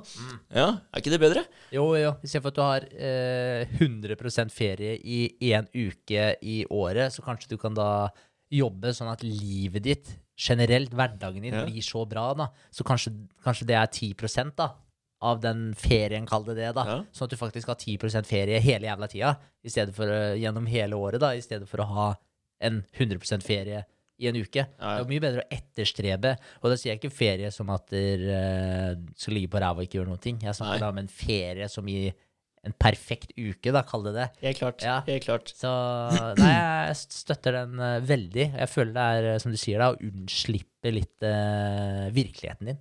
Ja, det er veldig sant. ass. Jeg har lyst til å ha en uh, sportsbil på full tid enn å måtte dra på ferie og testkjøre en fet bil der, liksom. Det er, det er noe med det. Støtter den. Ja. Veldig. Men, men jeg tenker på det alkohol òg, ja. ja. ja. Unnslippe virkeligheten. Åh, veldig sant, ass. Ja. Herregud, jeg blir så fucked for Oi, unnskyld, Hågen. jeg ble så ødelagt forrige gang jeg drakk nå. Åh, jeg, vet ikke, jeg vet ikke hvorfor er man så dumme, egentlig, og gjentar ting som det her, da. Fordi man tenker det hver gang etter man har drukket. Så tenker man at fader, nå er jeg dum. Nå gjorde jeg det her. Og så går det bare x antall dager, så er det glemt. Og så kommer den muligheten der, og så bare Ja, men det er jo koselig, da, å dra ut med gutta, og ikke sant. Og så går det alltid så mye Det blir alt så mye mer da enn det man forestiller seg at det skal bli. Ja. Og sånn helga før det, så hadde jeg en dritbra helg. Vi var ute og spilte shuffleboard. Jeg drakk ikke engang på lørdag, liksom. Og helt gull. Mm. Ja. Jeg det var helt nydelig. Og så kommer helga etterpå, og jeg blir bare møkers. Ja. Så er det sånn her, da ligger jeg dagen etterpå da og bare ah, Fy faen, ikke sant? Hvorfor kunne jeg ikke bare tatt det rolig? ja. Støtter den. Ja, jeg syns det er rart at man ikke klarer å Det er jo viljestyrken, det er det du går på. Ja, ja, absolutt. Eh, absolutt. Men jeg føler den uh, alkoholbiten òg, altså det at man skal ha, ta et substans da, Ja. som uh, endrer virkelighetsoppfatninga di, for det er jo det du gjør når du drikker. Det endrer jo virkelighetsoppfatninga di, det Ja. endrer jo realiteten din der og da. Så det setter deg jo en helt annen sinnsstemning. Og, og hvorfor man da higer etter det, når man vet at dagen etter blir mindre produktiv, og man er sliten og føler seg egentlig jeg kaller det en eh, prosentandel sjuk, da, for det er jo Mm. nesten det du er. Du, er du kaller det fyllesyk. Ja, Ja. Så, så jeg bare, det fascinerer meg litt det òg, at, at man gjør det som du sier, også, gjentatte ganger. Eh, men jeg føler det er litt det samme som eh, Kall det en miniferie i uka di, Ja. bare for å unnslippe livet ditt. Men det er jo en jævla dyster greie, egentlig, da, fordi hvorfor skal du unnslippe livet ditt? Det betyr jo bare at ikke det er bra nok til Ja, ja. å være 100 til stede i livet ditt. Det er jo litt det man er vanlig med fra, fra, fra videregående, da, altså skolen. Da husker jeg da, da jobba jeg for helga, da, basically. Da gikk du på skolen, og du bare venta på den helga skulle komme, så du kunne drikke og ha det gøy, for å så komme tilbake til helvete igjen, ikke sant? Ja, Ja, det er jo litt det, da. Du bare jobber for å komme vekk fra det, og så blir du sugd tilbake til den etterpå. I en verre tilstand da, enn det du forlot det i. Ja, Ja. definitivt. Men det, er, men det er noe i det du sier der, altså, fordi der også handla det jo selvfølgelig om mer, men, men ja, vi jobba for helga, ville unnslippe type den uh, hverdagen, liksom. Ja. Og det er kanskje det mønsteret der man har dratt litt grann med seg. Mm. Kanskje. Ja, jeg tror jeg bare er nødt til å innse at eh, jeg er på vei til noe bedre. Og for å komme dit, så, så må man eh, ha en litt sterkere viljestyrke. Mm. Og bare skjønne sjøl at det, er ikke hver gang man kan eh, gå ut og gjøre sånne ting. Og kanskje det er bedre og faktisk morsommere for deg å klare å eh, holde den der flowen da, gående, og ikke bare bryte den hver eneste gang. liksom. Du får i hvert fall en bedre følelse, følelse overfor deg sjøl. Definitivt. Ja, det gjør man. Det er ikke noe tvil om engang. Eh, greit. Neste det er uh, finn kjernetiden din. Mm. Ja, Kjernetiden din, altså når på døgnet er du mest opplagt? For noen så kan det være tidlig på morgenen, eh, og på andre så kan det være sent på kvelden. Så er det litt den der, altså Finne ut når du er mest opplagt, og bruk den tiden til å løse de viktige oppgavene. Og det er jo de fleste sier jo at der, eh, altså, altså de, de fleste jeg har eh, hørt på da, og lest om, sier jo at der, eh, det beste for dem Det er jo klart at vi er alle forskjellige, men eh, det beste for dem, det er å stå opp eh, til en eh, grei tid, og det er jo forskjellig for de fleste, det òg, men stå opp ganske tidlig, da. For eksempel stikk og tren, og når du har gjort det, så drar du på jobb, og så kjører du en type eh, deep work da, når du kommer på jobb. At når du er på jobb sju eller åtte, eller hva det skal være, så setter du deg ned, og du gjør de viktige, den viktige oppgaven da, der. Og du bruker x antall timer på den, om det er én time eller to timer eller tre timer. Tre, timer. Bare bli ferdig med den. Eh, og når du er ferdig med det, da kan du begynne å gjøre de mindre viktige tinga, som å åpne mailen, se på det, snakke med de andre, f.eks., hva, det- hva enn det skulle være, da. Men bare start dagen, for det er da du er mest produktiv, da. Og bare gun på å få den der deep worken. Og når man sier deep work, så er det det å bare eh, ikke isolere deg sjøl, men sett deg på kontoret og ja, sett musikken, da, og bare forsvinn og jobb og få den flowen og bare få det gjort, da. Mm. Ja. Så det er litt vanskelig. Jeg vet ikke altså Jeg vet ikke om Jeg har ikke klart å jeg, jeg føler det jo nå, da, nå som jeg har sagt det så mange ganger òg, at etter eh, etter at jeg har begynt å trene tidlig og komme hjem, så føler jeg sjøl at jeg får gjort ganske mye. Så akkurat det føler jeg at det passer meg ganske bra. Men jeg jobber jo også skift, så jeg får ikke, jeg får ikke den øh, Den øh, Hva heter det for noe? Eh, Ballen til å gå opp, ja. ja. det, det blir ikke en eh, rutine på det, da. Mm. Det gjør det ikke. Så jeg får liksom ikke flere uker på rad testa den samme taktikken. Nei, Det gjør jeg ikke. Så jeg Nei. vet ikke ennå. det skjønner jeg er Mm. Ja, absolutt. Det er jo mye enklere hvis du har formiddag hver uke. Men uh, da handler det jo til syvende og sist da, om å finne et, eh, en rytme der òg. Altså, du har jo en uh, femukers uh, skifteordning. Ja. Ok, Prøv å finne ut hvordan man kan optimalisere de fem ukene der, og så kjøre det på repeat. da. Ja, ja. ja. Helt klart. Det er veldig sant. Men eh, ja, det, det er jo litt eh, det det blir, holdt jeg på å si. Altså, eller hva skal man si? Man må nesten bare akseptere at du, eh, innimellom så er du trøtt fordi du har jobba, liksom. Og da er du ikke like effektiv som det du ville vært ellers. Men, men ja, det handler om å gjøre det beste ut av det. For jeg skal jo på Jeg skal jo jobbe dagtid etter hvert. Det er jo plan. Så jeg får jo selvfølgelig fiksa, fiksa det da. Absolutt. Det gjør jeg. Men eh, hva tenker du? Altså, hva er, den, hva er kjernetiden din? Nei, jeg tror også det er på, på morgenen, altså sånn eh, Jeg vet ikke nøyaktig klokkeslett, men jeg vet at det ikke er fra to til tre, for å si det sånn. Mm. Det er, det er før det. Ja. Mm. Før lunsj, liksom? Ja Godt spørsmål. Jeg eh, Problemet er at vi har, no, jeg har liksom to morgenmøter. Ja. Og dem, eh, dem føler jeg fucker opp uh, flowen min. For det blir sånn oppstykka uh, morgen, da. Ja, ikke sant? ett klokka åtte. Og da varer liksom det fra åtte til uh, kvart over åtte, ti på halv ni. Og så skal jeg opp derfra, så er jeg kanskje tilbake på kontoret halv ni. Mm. Og da er det jo nytt møte klokka ni. ja. Altså, du får ikke muligheten til å sette deg på kontoret med en gang du kommer på jobb, og bare jobbe fram til Jo, så sier ti, jeg, sier jeg på jobb eh, ti over sju. mm. Da er liksom tid fram til fem på åtte. Ja. Ja, men jeg, jeg vet ikke, jeg føler liksom Ja, da ender jo Der er jeg kanskje en dårlig rutine, da, for da ender det med at jeg bare driver og blar i mail. da. Bare får lest gjennom mail, for dukker, jeg får jo helt sjukt mye mail.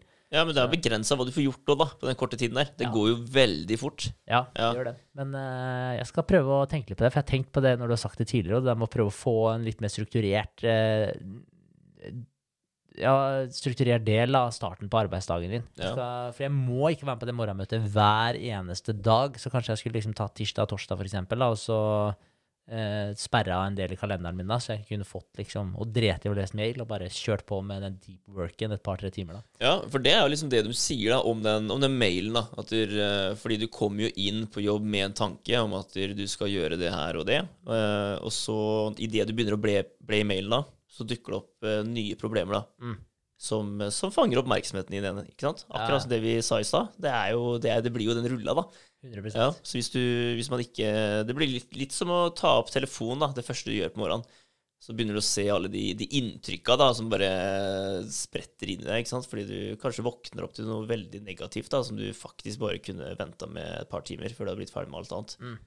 Det, det blir litt det samme. Ja, definitivt. Ja. Helt enig. Og så er det prioriter å si nei.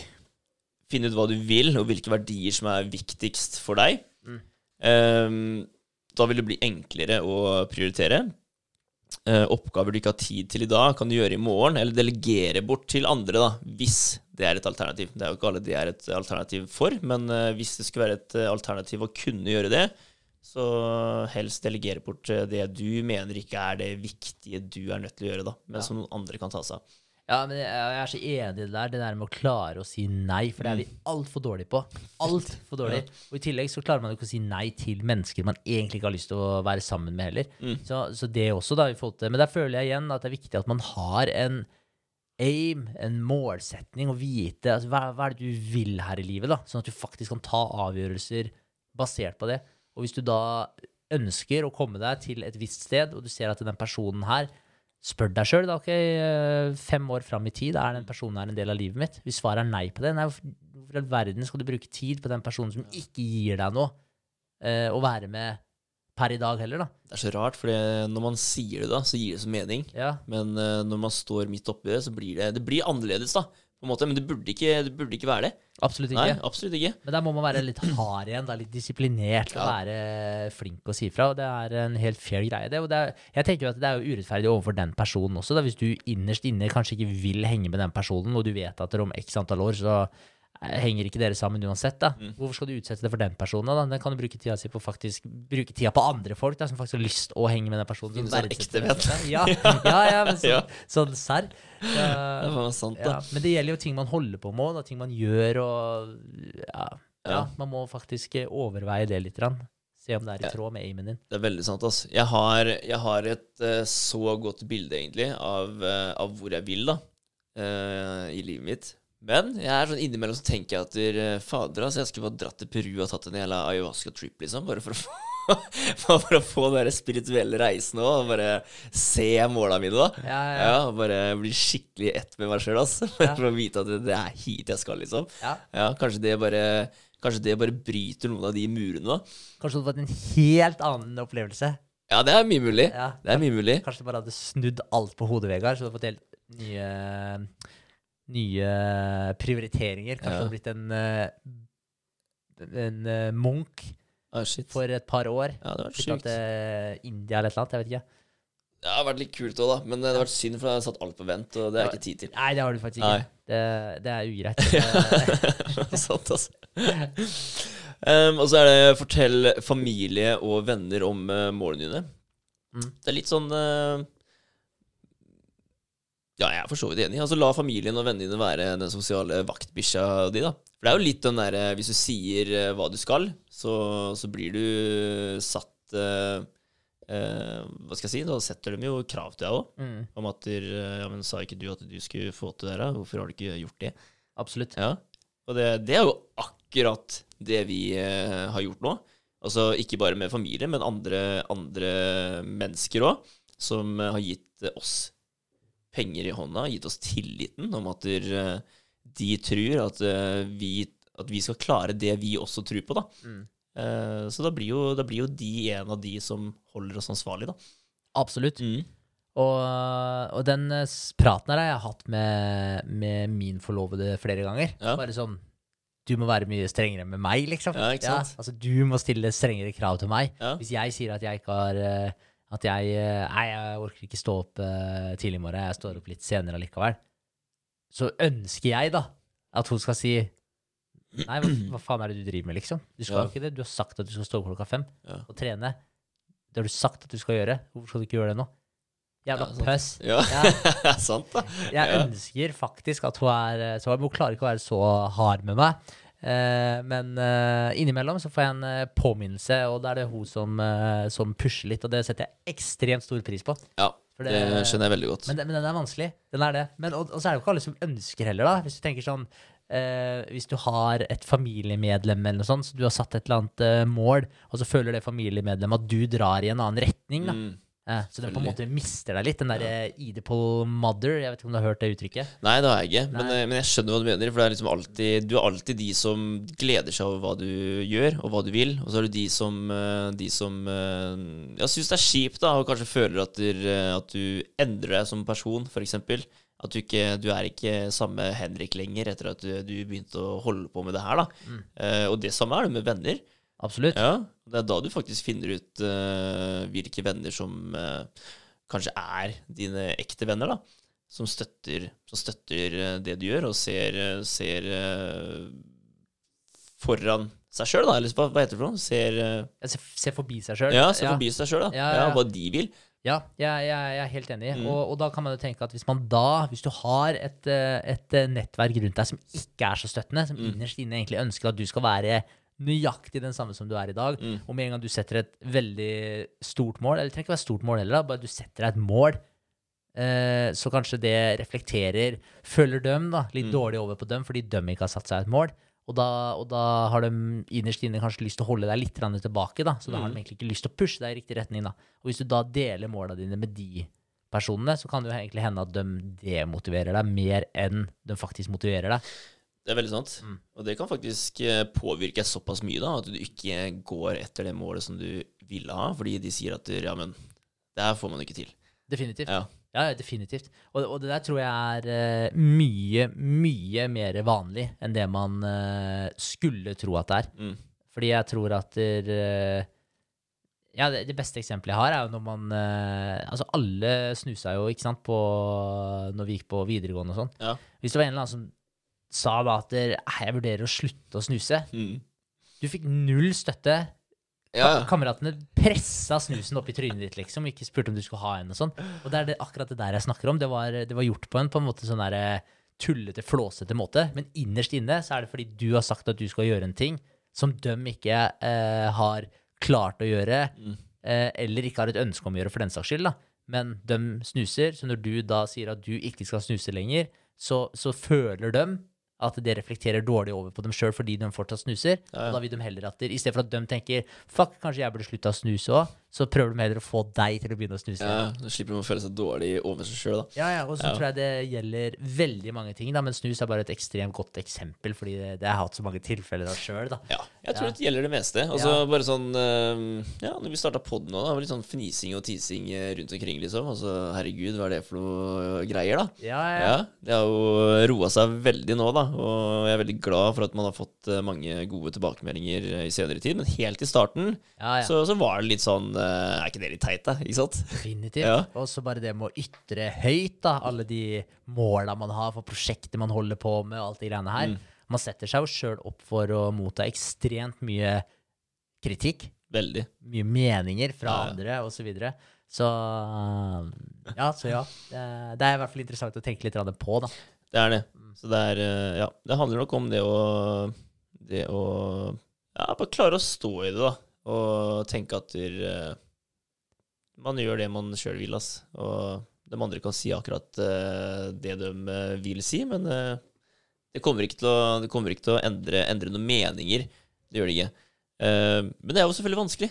Mm. Det Ja, er det. ja, det er kjempevanskelig. Ja. Men da, jeg tenker jo, i dag så er vi jo så heldige da, at vi kan få innflytelse fra så mange personer som man ikke hadde kjangs Mm. til å få innflytelse fra eh, tidligere.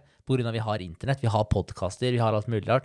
Så hvis det er noen som eh, preacher det du har lyst til å høre, som motiverer deg for å få til et eller annet, spill av dem. Ofte. Hør på det. Minn deg sjøl på de greiene der. Skriv ned et notat på telefonen din, en liten affirmation som du leser hver eneste dag. For å bare minne deg sjøl på hvorfor du har lyst til å gjøre det som du har sagt du har lyst. da. Og hvis du har da fem av fem kompiser rundt deg, eller om det er familien din, eller hva det er for noe, som prøver da å stikke litt kjepper i hjula for deg, prøver å demotivere deg osv., flykt tilbake til det notatet ditt. Slutt å snakke med det om eh, vennene dine hvis du bare får dårlige tilbakemeldinger. Mm. Bare drit i å, drit i å snakke om det.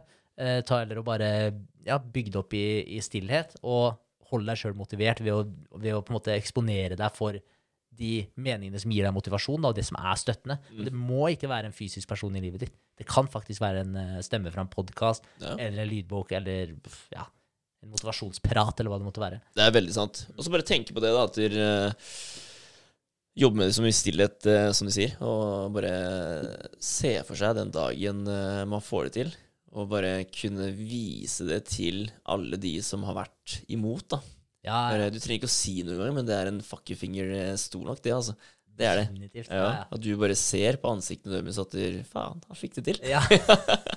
ja, ja. Det må jo være den beste følelsen da, hvis du har hatt noe som eh, du merka at dere ikke støtta det, Mm. og bare viste etterpå at dere, eh, du fikk det til. Du trenger, du, det er som du sier, du trenger ikke si noe engang. Nei, nei, Nei. det er ikke det. Det, det holder å bare se på ansiktet at de, de skjønner det, da. Mm. Ja, det er veldig sant. Og så er det um, Finn en metode for å lære å jobbe mer effektivt. Og det er litt det vi snakka om, altså deep work.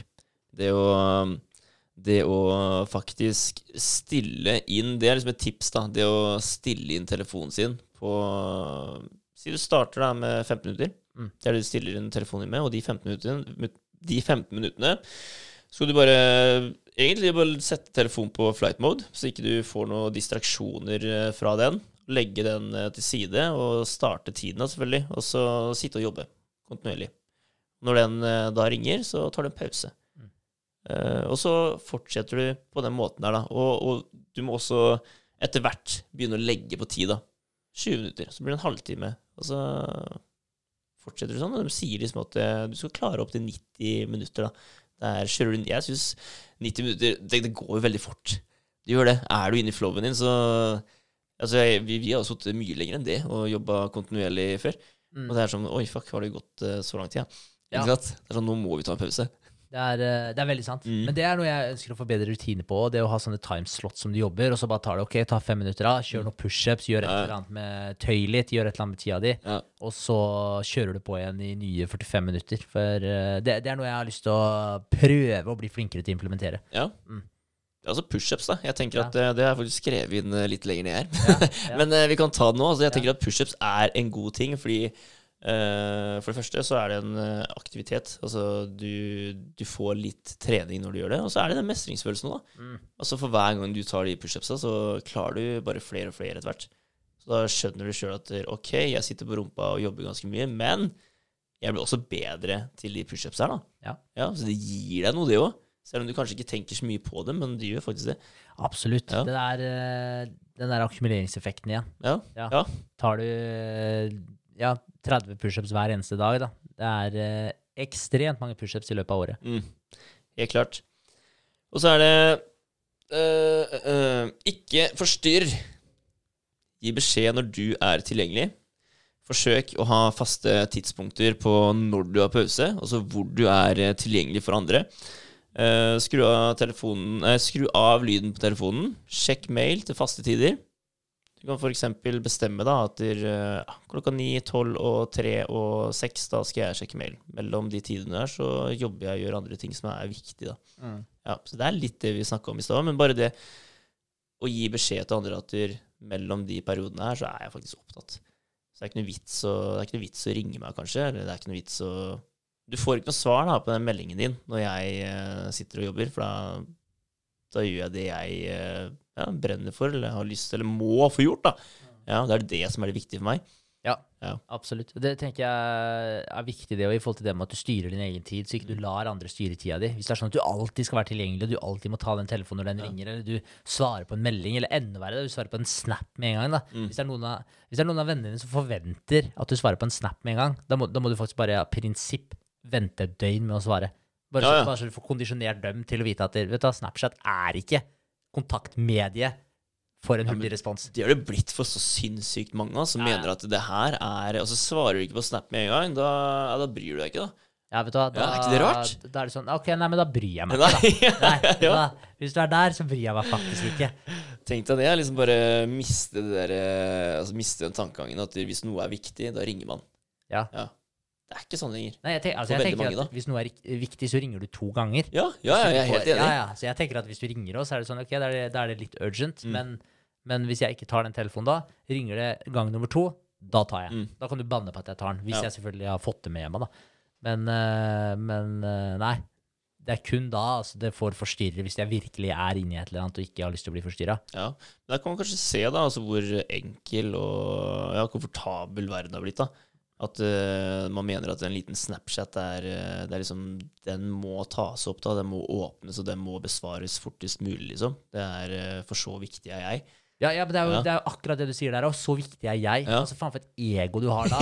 ja, men jeg mener det, altså. Fordi det er så viktig, det er så bra at du sier for akkurat det jeg satt og tenkte på. da. Hvor viktig er jeg, ja? Mm. Hvis jeg sender deg en ynkelig liten snap chat. Og så skal du da droppe alt du har i hendene for å lese den uh, raskest mulig. Ja, ja. Og da detter du ut av det du driver med, da. Og du bruker lang tid for å faktisk komme deg inn igjen Ja. i den flowen du var i. Ja. Gjør du. Bare fordi du blir avbrutt av kanskje den middagsretten som den personen spiste, liksom. Ja, og åpna en ny, god øl. Det er sånn, ok. Ja, faen bryr seg egentlig? ja i utgangspunktet ja. Helt uh, definitivt. Helt Ja. enig. Ehm, og så er det det, da, som vi også snakka litt om i stad, men det å ta pauser. Altså aksepter at uh, kroppen og hodet trenger det. Det er viktig. Uh, for det kan bli mye. Altså Man kan sitte her og Du, du, du blir sliten etter hvert. Altså Ja, hva skal man si? Du, du brenner opp på en eller annen måte. Så det å bare ta en pause og klare å kjøle seg litt ned, det, det er viktig å gjøre. Uh, og det å gi seg sjøl belønninger underveis. Eh, om det så skal være at eh, du koker en god kopp kaffe og tar med deg mens du sitter og jobber, eller om du tar den kaffen i pausen, eh, eller om pausen blir det gode glasset med vann, da, som man ofte, ofte gjør, så, så er det veldig bra. Gå en tur, eller som jeg skrev her, kjør pushups. Ja, ja. Ja, men det er en fin måte å ta når man har pause. Og det, det er litt den der, Altså når vi har hatt de challengene som vi har hatt òg, da, så har det vært noe vi har pleid å gjøre når vi har hatt pauser. Når vi kjører de challengene da, for å få blodet til å sirkulere litt og ja, få i gang kroppen litt. da. Man, blir, man blir stiv av å sitte på den stolen eh, i så mange timer. Definitivt. Ja. Og jeg har jo en eh, kontorjobb også, så jeg sitter jo ekstremt mye i løpet av dagen. Ja, ikke sant? Så da kommer jo det helt klart godt med, da. Definitivt. Det gjør det.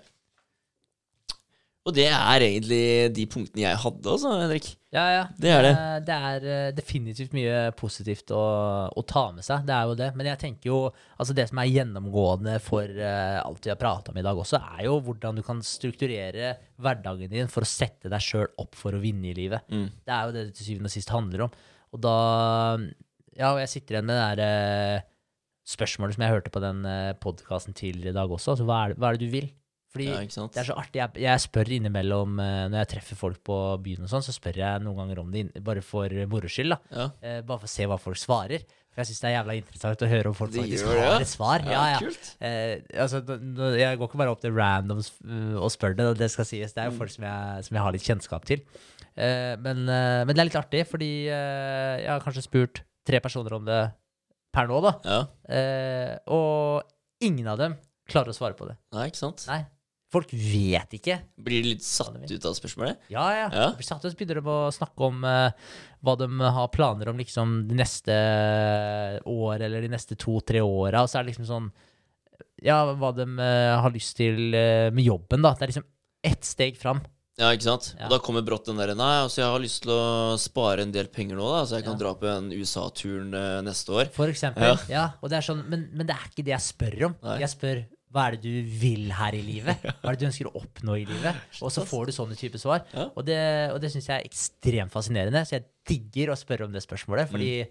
ja, folk blir litt satt ut, fordi det er sånn, de er ikke vane med å få det. Eh, Det er ikke sikkert de har fått det spørsmålet før engang. Nei, det er mest sannsynlig ikke. Nei. Og, men når det da er eh, tre av tre, som sagt Jeg spør ikke alle om de greiene her. Da. Det er jo dem som jeg føler at jeg kan spørre om det, på en måte. Eh, men tre av tre har ikke, har ikke hatt snøring, liksom. De har tenkt eh, maks to-tre år fram. Mm. Og det er ikke Da har du ikke tenkt nøye nok igjennom Nei, det. nei. Og det syns jeg Og det, altså jeg syns jo det er trist, da. Fordi da vet du jo ikke de valga som du tar i dag. Du har jo ikke Altså, hva, hvor er retningssansen din da, i forhold til hvor det er du har lyst til å gå hen? Det blir litt som eh, det vi snakka om med bryllup i stad. da. At eh, du skal se bryllupet i sin helhet fram i tid. Yes. Ja, Og så må du se hva er det som mangler. Hva er det jeg er nødt til å løse på veien dit? da? Det blir jo litt den. altså Når du ser eh, 15, eller 10-15-20 år fram i tid, da. Hvor er det du vil være da? Altså, hva er det som må til da, for at jeg faktisk skal klare å komme meg dit? da? Hvis Ja. du bare ser eh, måned for måned eller år for år, så, så blir det aldri de valga. Så du klarer ikke å se de valga du er nødt til å ta for å komme Det, det blir for mange det blir, det blir en veldig svingete vei, da. Mm. Selv om det er greit å ha en svingete vei, det er det. Fordi du kommer jo til syvende og sist dit du vil, men eh, jeg tenker at du tar valg som er mye, mye, mye mer langvarig, kanskje. Ja, og så kan denne svingete veien din, hvis du har, hvis du ikke vet helt hvor du skal, kan denne svingete veien din gå rett til venstre, og så skal du egentlig rett fram, uten at du da vet det. Men, eh, men er helt, eh, det er helt merkelig å tenke på at det vi driver med, er å leve livet, men det er veldig få som har en formening om hvordan de vil at livet deres skal se ut. Ja. Eh, Det er helt rart, det. Det er Ja. helt eh, merkelig. Men uh, vi får satse på at noen flere spør seg sjøl spørsmålet etter at de har hørt på denne episoden her. Ja. Fader, altså, jeg har lyst til å bli spurt om det sjøl, eh, hvis jeg møter noen andre enn oss, da, selvfølgelig. Mm. Hvis en random kommer til meg og spør om det, så er det kult Ja. Og fortelle om det, liksom. For da kan jeg fortelle litt hva man driver med òg, da. Og liksom bare si at det er det her jeg jobber for, liksom. Og det er her jeg vil ende, da. Yes. Ja, fett. Jævlig kult. Ja. Skal vi, skal vi ende her, eller? Jeg tror det er et fint sted å avslutte episoden. Ja. Takk Bra. Da takker vi for nå.